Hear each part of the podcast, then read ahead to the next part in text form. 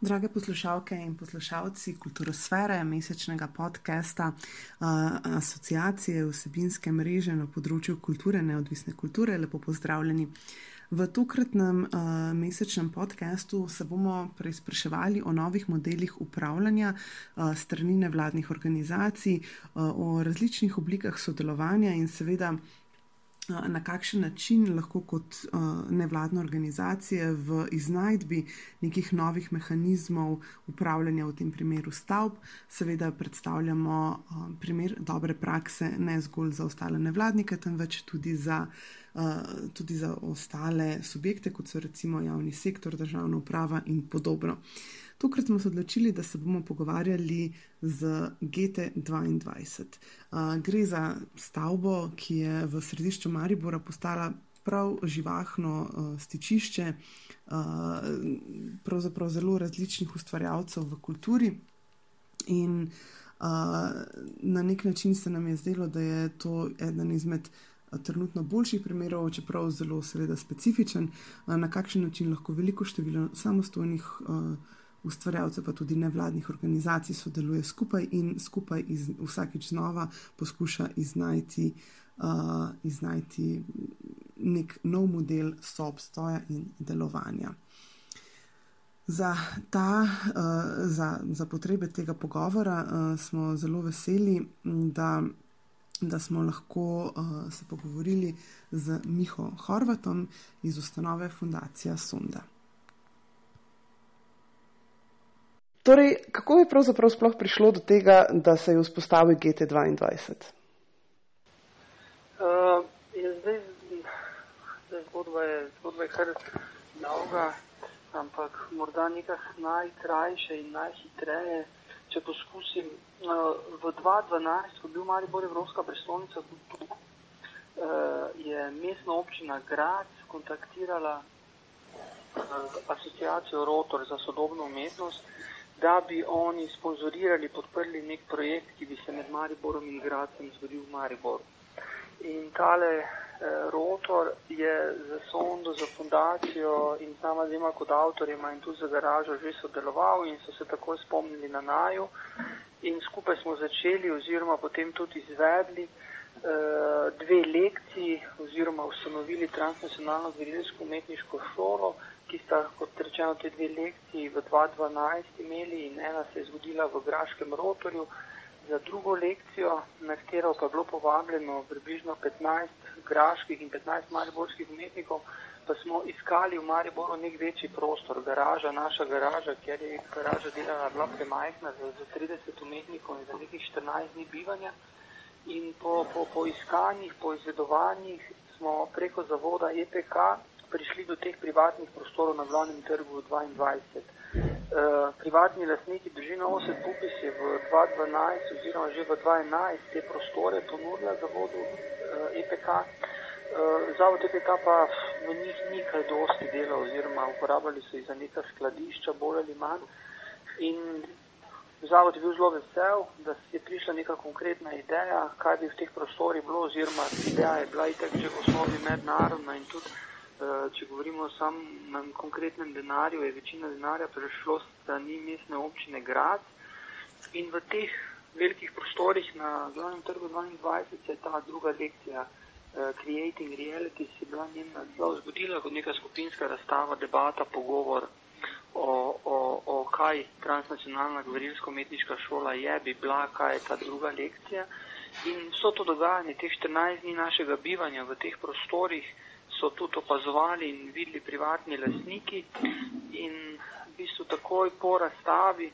ki je bila jeseni 2012, so pristopili k fundaciji, pristopili do, do mene kot nekega, oziroma ne nekega, ampak pravnega zastopnika fundacije in vprašali, če bi mi v teh prostorih ostali. Se pravi, to je zdaj nekak najkrajše, pa upam, da ne predolgo zgodba, kako je sploh prišlo do prvega vprašanja fundaciji, strani eh, lasnikov ali bi ostali v mhm. prostorih na, na glavnem trgu. Se pravi, če prav razumem, mestna občina um, GTO 22 kot recimo prostoru pravzaprav ne nudi nikakršne opore v smislu nekih financ. Uh, ne, to, to, to ni res. Uh, uh, interdisciplinarni laboratorij GT22 je v letih 14, 15, 16 bil del programskega razpisa uh, za interdisciplinarne uh, laboratorije, se pravi v tem triletnem obdobju uh, je hiša, kar se tiče natančno projekta uh, uh, GT22 na naslov fundacije strani mestne občine dobila uh, 12 tisoč 500 evrov letno. In tudi zdaj je GT oziroma fundacija se prijavila za novo programsko obdobje. Uh, ja, 2013, 2014 pa uh, je hiša uh, kot taka bila brez teh programskih sredstev zase, ampak je treba vedeti, da, da uh, zdaj, če si zdaj zelo hitro skočila na to vprašanje financiranja, ker je pač se mi zdi zelo, zelo pomembno vprašanje o tem, kaj in kako je GT nastal, tudi v bistvu dejansko, kako je pa nastal po tistem, ko je fundacija podpisala pogodbo z lasniki, eh, ker v GT-u je več asociacije, več društev, več posameznikov in tudi vsa ta društva za svoje programe in projekte so tudi strani mestne občine Maribor in strani Ministrstva za kulturo podprta financirane. Se pravi, Zdaj, če, če spet črto potegnem, uh, uh, tudi projekti so bili že v 2013-2014 odprti, govorimo seveda o minimalnih sredstvih, ker pač mestna občina Maribor in tudi država Slovenija nista neke, neke bogate entitete uh, oziroma sami državljani ne izberemo kaj dosti uh, z, z, z davki, uh, tako da je tale malha pač polna, koliko je polna in podpirajo nas, koliko podpirajo, ampak ja, mislim, smo, smo vsaj malo podprti. No, to vprašanje sem pravzaprav zastavila zaradi tega, ker uh, ko v, kulturi sferi se pač pogovarjamo o primerih dobrih praks nevladnih organizacij, predvsem tam, kjer prihaja do različnega združevanja resursov. In ko smo se pogovarjali z različnimi uh, akteri, ki poskušajo nekaj podobnega peljati v različnih krajih po Sloveniji, po pravilu uh, vedno pač uh, nekako potožijo, ne, da je težava v tem, da so financirani za program, niso pa financirani za recimo investicije, za pravzaprav vzdrževanje, za koordinacijo velikega števila akterjev, ki terja seveda svoj čas uh, in, in tudi v končni fazi denar. Uh, tako da me zanima, kako v bistvu mogoče ocenjuješ, um, kje so, je, je tukaj dejansko težava, da pravzaprav, um, če nevladne organizacije se združijo in na nek način iščejo nove modele upravljanja, imaš občutek, da država in občine recimo sledijo temu uh, in poskušajo nekako facilitirati uh, to vrstno povezovanje. Zdaj, uh, mogoče kar bi, kar bi uh, kot, kot uh, nekaj še izpostavil, kar se GTA tiče, je še enkrat počrtal to, da mi smo v privatnih prostorih. Ker če bom rekel nekaj pogledam sfero nevladniške zgodbe v Mariboru, so ali v uh, mestnih ali v državnih prostorih uh, ali so njihove uh, hladen pogon uh, in stroški podprti strani oziroma jim občina to plačuje. Spravi v našem primeru uh, tudi v tistih letih, ko nismo bili uh, oziroma ko še dejansko ta programski razpis na mestni občini tri leti ni obstajal, smo v bistvu in še zdaj uh, uh, same, same stroške plačujemo sami oziroma z leti je tudi z lasniki dialog in realnost bila takšna in dogovor, da po nekaj letih začnemo tudi plačevati neko, neko mikronajemnino, ki jo pa potem skupaj z lastniki namenjamo v, v, v, v razvoj hiše oziroma v samo infrastrukturo urejevanje hiše. Zdaj, kaka, kak je, kakšna je situacija? Uh, v bistvu, zdaj sem zadnjih uh, dva tedna na Dunaju in tudi tukaj sem bil del enega, enega ne simpozija, ampak bilo je v bistvu prav en simpozij kot nek protest oziroma uh, uh, realnost da uh, umetniki zahtevajo svoje plačilo za delo, ki ga upravljajo znotraj javnih ali pa znotraj NGO-jev v, v, v mestu Dunaj. Uh, in zakaj sem zdaj to omenil? Predvsem zato, ker je neka pod črto oziroma suma sumarum na tem simpoziju se povedalo, da se potrebuje in rabi več denarja. In zdaj Jasno je, kot sem rekel, kar se GTA tiče, neka mikro, mikro podpora za strani uh, mestne občine in ta mikro podpora, ki, če v našem primeru govorim, je dejansko uh, teh 12 tisoč evrov, ki je skoraj uh, vsa najmnina, ki jo za te velike prostore, ta mikronajmine, ki smo z lastniki dogovorili, plačujemo. Uh, se pravi, če bi vse programski denar, tako kot smo ga v zavodu udarnih v tistih petih letih porabljali za, za hladni pogon, uh, za program seveda več v tem primeru nič ne ostane, oziroma v drugem primeru tudi več zagretje ni ostalo. Um, tako da,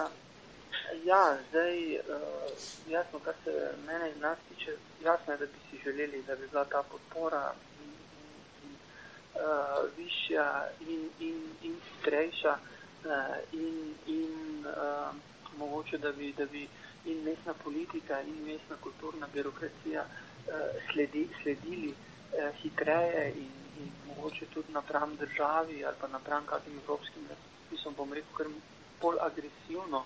do pridobivanja več sredstev in podpore tega nevladniškega sektorja, ampak uh, zdaj sam kot malo upleten v, v mestno politiko in mestno kulturno politiko, eh, na konec koncev vidiš, da, da ja, denar eh, se razdeljuje, ko se razdeljuje, ga je, koliko ga je eh, in potem dejansko tile drobiži ostanejo eh, za to in že vsa ta leta, mislim, da je jasno, da se vsi borimo za to, da ne bi ostalo pri teh drobižih in da bi jasno bila infrastruktura in tudi uh, uh, neki vložki v tele hiše in naše prostore višji, ampak se pravim, v našem primeru pridemo še do tega vprašanja privatnosti, ker so prostori privatni, v privatni lasti, tako da bi država oziroma mesto moglo tukaj še bolj progresivno razmišljati tudi o nekih privatno-zasebnih partnerstvih. Zdaj, toliko problem je na nek način zelo kompleksen, jasno, da odgovor na, na, na, tvoje vaše vprašanje je bil jasno, da bi bilo fino in nujno, da se uh, bi, bi nas in prostore nevladniške podpiralo še bolj, ampak uh, ja, smo, kjer smo, pa situacija, stanje je takšno, kot je. Ne? Jasno. Uh, ampak vseeno se mi zdi, recimo, da glede na to, da v GT22 pravzaprav biva, kot si omenil, ogromno število um, društev, zavodov, fundacij in, in v končni fazi tudi posameznikov, um, A poskušate recimo, eh, in da ima vsak eh, nekak svoj prostor, ampak vseeno poskuša biti nek, nekakšna koordinacija, eh, kar se tiče samega programiranja, neke skupne vizije hiše oziroma recimo kulturnega centra, kako pravzaprav poteka ta interna dinamika pogovorov, sklajevanj, pravzaprav kakšen je ta vaš model upravljanja, ki ga pravzaprav gradite tam kot neko novost? Ja, to je, to je eh hvala za vprašanje. Spet, spet je eno dolgo, veliko, ampak, ampak realnost naj pa vrne v tisto, kar sem že prej začel, vrne naj v tisto 2012, leto 2013, ko so lastniki vprašali, ne, če, če bi fundacija, če bi mi ostali v teh prostorih. Uh, takrat je fundacija uh, bila pri, pri, pri, pri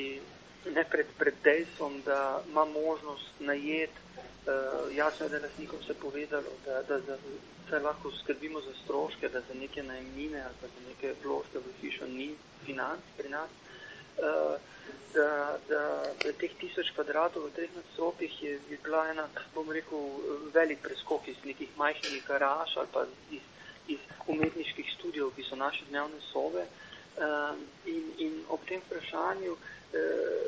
se je tako razvila neka logika, da če si kaj želimo v, v tej hiši, v tem GT-ju, uh, je to neka skupnost,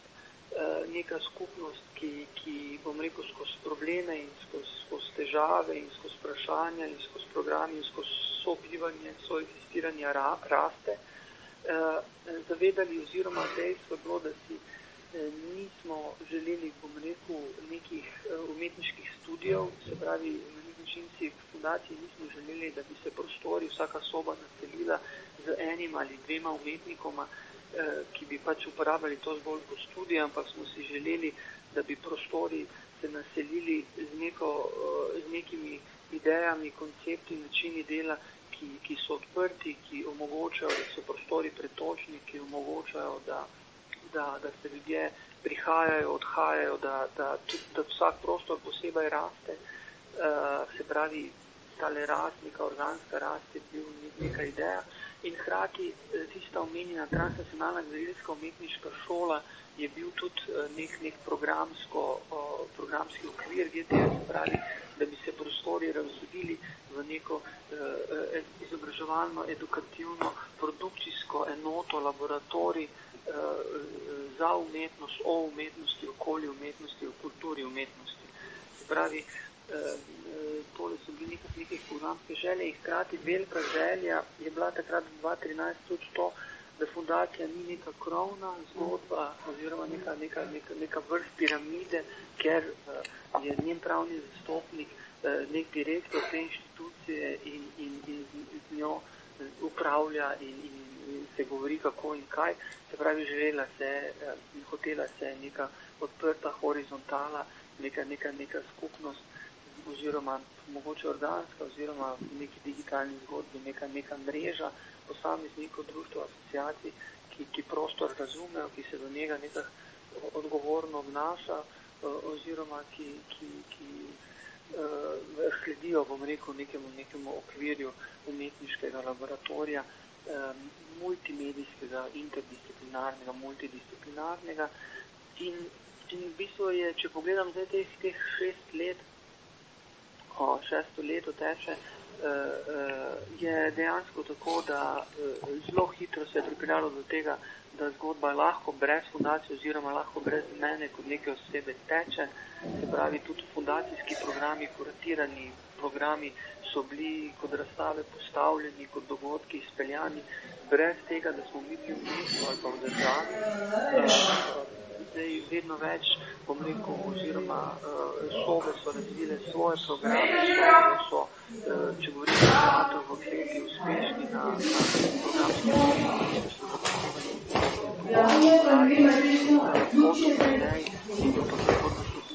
Se pravi, dejansko, kar se programsko tiče, je vedno bolj ljudje, ki niso poznali, ker tudi jaz moram priznati, da 80% ljudi, ki so zdaj v hiši, se 2013 nisem poznal, mogoče njihovo delovanje, ampak ne osebno. In, in tukaj mislim, da smo programsko naredili ta nek korak, oziroma kar se tiče skupnosti sobivanja tudi z trenutkom, ko so lasniki in fundacija, ker je treba povedati, da so to neka organska mrežna, neka skupnostna rast, je tudi naš, naš, naš dialog in sobivanje z lasniki, tudi za njimi smo zrasli v neko od nekega hitrega pogovora in pogodbe na A4 papirju v, v, v prvem kafiču zraven GTA do tega, da smo eh, sedaj zelo jasno že definirane pogodbe imamo z, z, pri notarjih uverjene, eh, da, da, ko sem rekel, eh, ker je bil program fundacije in to sem nas tudi in samim ljudem, ki so prihajali v hišo in, in zavzemali prostore in zamenjavali prostore, sem eh, vedno odgovoril, da, da moja želja in ideja fundacije in tudi dogovor z njih je, da ko hiša pride do nekega normalnega teka, uh, je neka neka najemnina, s katero resnici dobiva nek fond, s katerega se lahko tudi dan ne pripravi oziroma s katerega se lahko skrbi za hišo, da je to neka, neka nujnost in, in dejansko v trenutku, ko se je ta najemnina neprofitna zgodila,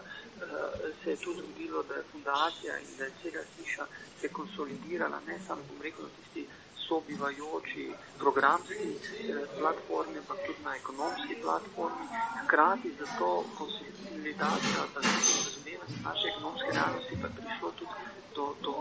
že zaradi programskih povezav in dogajanja v hiši do tega, da je dejstvo, da potrebujemo tega, rečemo, stalnega PR-jevka, PR-jevca, PR-jev, potrebujemo neko skrbno hišo, da potrebujemo koordinatorja, koordinatorja, dogajanja v hiši ob tem, da smo začeli skupaj na kup dajati denar za, za stroške hiše, smo tudi začeli skupaj na kup dajati denar za te neke osnovne eh,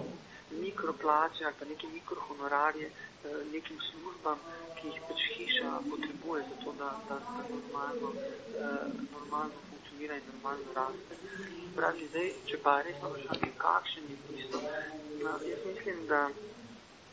sam sem nekaj zagovarjal in se mi zdi, da se nam v hiši tale, tale neka konfliktna demokracija dogaja. Se pravi, konfliktna demokracija v smislu, da, da so vedno dialog in argumenti tisti, ki štejejo, da vsak glas šteje in hkrati nisi vedno samo en in tisti edini zmagovalec, ampak so zmagovalne ideje, včasih prihajajo iz različnih smeri, iz različnih posameznikov ali društv v hiši. In, in mislim, da ja, ta neka, neka odgovorna, odgovor, odgovorno sobivanje, sorazumevanje, pluralnost, ne, in tako sem rekel, neka konfliktna demokracija v nekih odprtih agorskih ali skupščinskih momentih pripeljejo do, do, do tistih rešitev, ki, ki se jih potrebuje, da se zgodba raste, da se zgodba, zgodba razvija. Mogoče še zadnje vprašanje, predem zaključiva. Um, glede na to, da je pravzaprav uh, GT22 predstavlja en pomemben center nevladne kulture uh, v Mariboru, uh, kako imate občutek, da so se prebivalci, prebivalke Maribora uh, in okolice seveda navadili na, na to novo uh, polje uh, in, in, in mesto kulture in umetnosti v, v Mariboru? Uh, občutek, in kakšni so pravzaprav tudi v luči tega približevanja um, novim občinstvom vaši načrti za recimo nekaj prihodnih let? Kje vidite GT22 recimo čez pet? Deset let. Ja, če so prejšnje vprašanje nekaj, sem jaz poslušal razlagati zgodbo, kak se je izraslo, kjer smo danes, oziroma kak so nekaj delovanja. Samega začetka bilo, bilo zelo jasno, da, da smo upeti in da moramo sobivati tudi z vsemi solastniki stanovanj okoli nas in za celo mestno četrta. Uh, zdaj, uh, GT22 meni glavni trg 22 in uh, pravi vhod v, v hišo, v naše prostore iz glavnega trga, pravi iz nekega centra uh, Maribora. Na drugi strani pa imamo tudi vhod in izhod na, na židovski trg, se pravi uh, galerijsko, zgodovinsko uh, četrt uh, tega mesta in je če je na eni strani vhod skozi stanovanske bloke, je na drugi strani izhod na židovsko ulico in se mi zdi, da, tole sobivanje solastnikov in stanovalcev okoli nas in na drugi strani cele soteske oziroma mestne četrti, galerijske umetniške mestne četrti, sinagogo, kačinski trge, so bile pomembni, bom rekel, okvirni in pomembne zavedanja tega, ker je pač uh, bilo jasno, da, da, da nekah eh, je to naše okolje, v katerem bivamo in bomo morali sobivati. Uh, morda mogoče za začetek je nekah med vrsticami moja logika bila, da se GT, oziroma sem sam nekah videl, da bi se za začetek in še vedno mogoče raje preferiram, da se uh, nekah zapiramo v hišo, ampak ne do tega, da nočemo novih ljudi, nočemo številke, ampak zapiranje v hišo v tem primeru, da, da uh, vidim, da če, če in ko rešimo notranje težave in notranje probleme, oziroma če in ko pripeljemo naše programske in konceptualne vsebinske ideje, uh, bom rekel, na neko zadovoljivo ravni, Eh, in naše sodelovanje, sobivanje na različnih od ekonomske, koordinacijske, eh, eh, prostorske platforme do, do neke točke, pridemo do tiste točke, kjer lahko začnemo komunicirati z mestom, ampak ali, ali tudi mogoče z državo. Se pravi, nekaj se mi zdi, da se ta mreža skupnost znotraj uh, uh, more vedno vzeti tisti čas in to razumevanje da se ne zgubi v vsej tej veliki kulturni politiki in v vseh signalih, ki jih neko mesto nudi, eh, tako v pozitivnem kot v negativnem smislu. Eh, zdaj, mislim, da, da tako kot smo se sami sebe tudi stanovalci, smo se zelo dobro ujeli, povezali, eh, da, da vlada je ena odlična energija, mislim, da tudi za galerijsko, sotesko in četrtijo židovski trg, se stvari vedno bolj povezujejo preko festivalov, preko nekih dogodkov, jaz upam, da čim prej tudi preko skupnih otvoritev na isti dan, kar bi pripeljalo stvar vse galerije na židovskih nas na še neko višjo Mislim, da nas je mestna občina, bom rekel, z tem razpisom interdisciplinarni laboratorij kot nek nov razpis na programskem spektru nekako razumela oziroma zakaj rečem razumela, zato ker ko se tistega leta pred tremi leti, ko je razpis prišel ven, v bistvu zgledalo, da je razpis napisan za GT oziroma dejstvo je, da, da nekako je GT tu vlobil ta val uh, skupnostnih uh, uh, souporabniških uh, uh, space sharing prostorov, ki, ki se po svetu dogajajo uh, in mislim, da smo pač del te, te neke ne,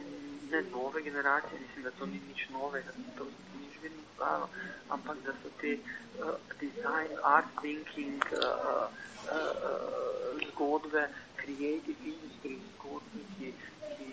katerih na nek način del, del nismo, ker ob nekem kulturno-umetniškem programu starno izmenjamo svoje lesine na kolesno, pravi tole polje ustvarjalnosti, umetnosti, sodobne umetnosti, tudi nekako povezuje. Se pravi, no, Zdaj, bom rekel, če smo tale val ujeli, uh, se mi zdi, da smo tudi zaradi ujetja tega vala uh, postali v samem mestu nek primer dobre prakse, sama mestna občina, uh, mestna politika in tudi, tudi uh, uh, mestna birokratija z veseljem predstavi, da je svojim partnerjem ali pa pripelje kakšne svoje partnerje pa se pride fotografirati z nami, ko so uh, volitve blizu oziroma ko, ko je županska borba na vrhuncu, uh, se pravi, nek, bom rekel, nek, nek uh, simbol, simbolni kapital uh, imamo uh, in zdaj je pa seveda vprašanje, koliko bo ta politika, birokracija in koliko bomo sami mi sposobni ta simbolni kapital uh, uh, širiti oziroma pretvoriti tudi v, v, v nek, nek konkreten kapital, ker pač moje mnenje je, da um, bom rekel, da smo že, že, že kar se tiče in ex garaže in garažnih galerijskih projektov in kina udarnik in GTA zdaj uh, smo uh, pri mestih oziroma prišli do situacije, kjer razvijamo uh, delovna mesta uh, in poklice uh, oziroma rečemo prvo poklice in smo zdaj na točki, ko, ko, ko, ko je potrebno opraviti neko delo, da razvijamo tudi delovna mesta. Se pravi, neka delovna mesta se razvijajo, ampak mislim, da da je ne samo naša hiša, tudi nevladni kulturno-umetniški sektor Maribor in tudi državi eh, nek sektor, eh, kateremu eh, Evropa več kot dokazuje, da se delovna mesta dajo ustvariti, ampak da je ta nek naš skupni pritisk mogoče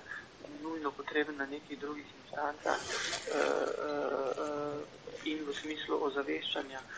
države, državljanov, meščanov, mest, da, da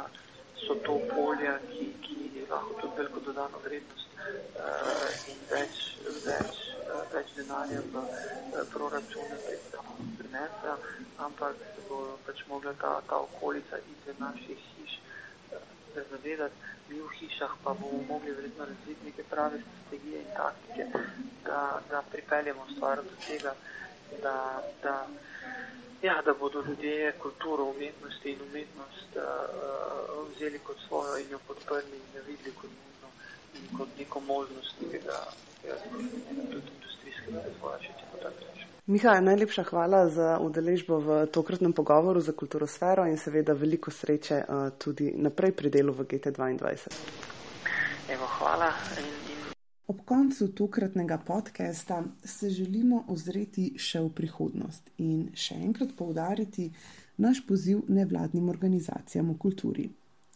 Nevladne organizacije v kulturi so po našem mnenju namreč bogatstvo primerov dobrih praks povezovanja, inovacije, mreženja in razvoja kompetenc. Vse prevečkrat te prakse ostajajo spregledane v širši javnosti. V asociaciji iščemo primere dobrih praks nevladnikov na področju kulture iz vse Slovenije. Zanima nas, kaj vse ponujamo našim uporabnicam in uporabnikom in kako pripomoremo k večji kvaliteti življenja vseh prebivalcev in prebivalk skozi kulturo in seveda umetnost. V seriji poglobljenih člankov jih bomo v naslednjem letu predstavljali v našem elektronskem glasilu Kulturosfera. Če bi tudi vi radi svoj projekt delili s širšo javnostjo, nam lahko vedno pišete na info, afna, asociacija.si. Kaj pa pravzaprav iščemo? Zanimajo nas predvsem prakse, ki povezujejo več nevladnih organizacij, ponujajo inovativne načine upravljanja prostorov, se ukvarjajo z medsektorskim povezovanjem, denimo znanostjo, izobraževanjem, gospodarstvom, turizmom, socialo, vključevanjem ranljivih skupin in podobno.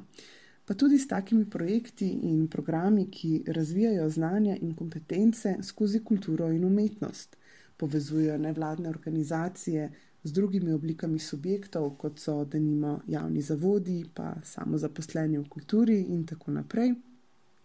Ter seveda, ki razvijajo prakse prenosa javnih storitev na nevladni sektor. Primere dobrih praks bomo objavljali na spletni strani asociacije v poglobljenih pretipkanih pogovorih in pa seveda na elektronskem glasilu Kulturosfera v obliki podcastov. Ker bomo predstavljali le eno prakso na mesec, ker Kulturosfera žal izide zgolj enkrat na mesec, bo tako v izbor prišlo samo 12 projektov oziroma primerov dobrih praks, vsaj v tem prvem letošnjem ciklu. Prvo prakso torej predstavljamo v januarski številki Kulturosfere, zadnja pa bo predstavljena decembra 2019. Sodelovanje je za nevladne organizacije seveda povsem brezplačno, od vas pa vseeno potrebujemo minimalni vložek in sicer pošljite nam kratek opis projekta na največ pol strani. To so lahko tudi zgolj ali neje ali povezave na vašo spletno stran. Um, bomo zagotovo prebrali tudi sami, če vas slučajno še ne poznamo, pa seveda um, zaželjene so vedno tudi foto ali pa morda video materiali.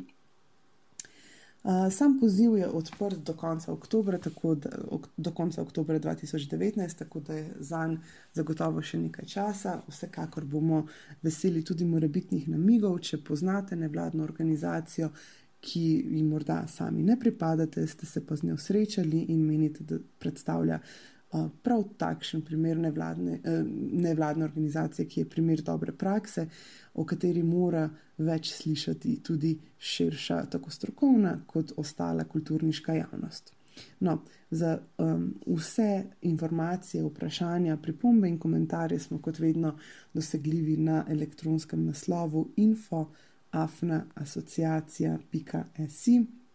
In na koncu mi seveda preostane zgolj še to, da se vam še enkrat zahvalim za vašo pozornost. Um, upamo, da se nam pridružite tudi čez en mesec, ko bomo z novim primerom dobrih praks v kulturi ponovno naslovili novo temo, svežo temo, kjer nevladniki ustvarjajo enostavno presežke. V nevladni sektor verjamemo in zato upamo, da nam boste z veseljem o njihovih dosežkih prisluhnili tudi vi vsak mesec tega leta. Najlepša hvala za pozornost in nasvidenje prihodnič.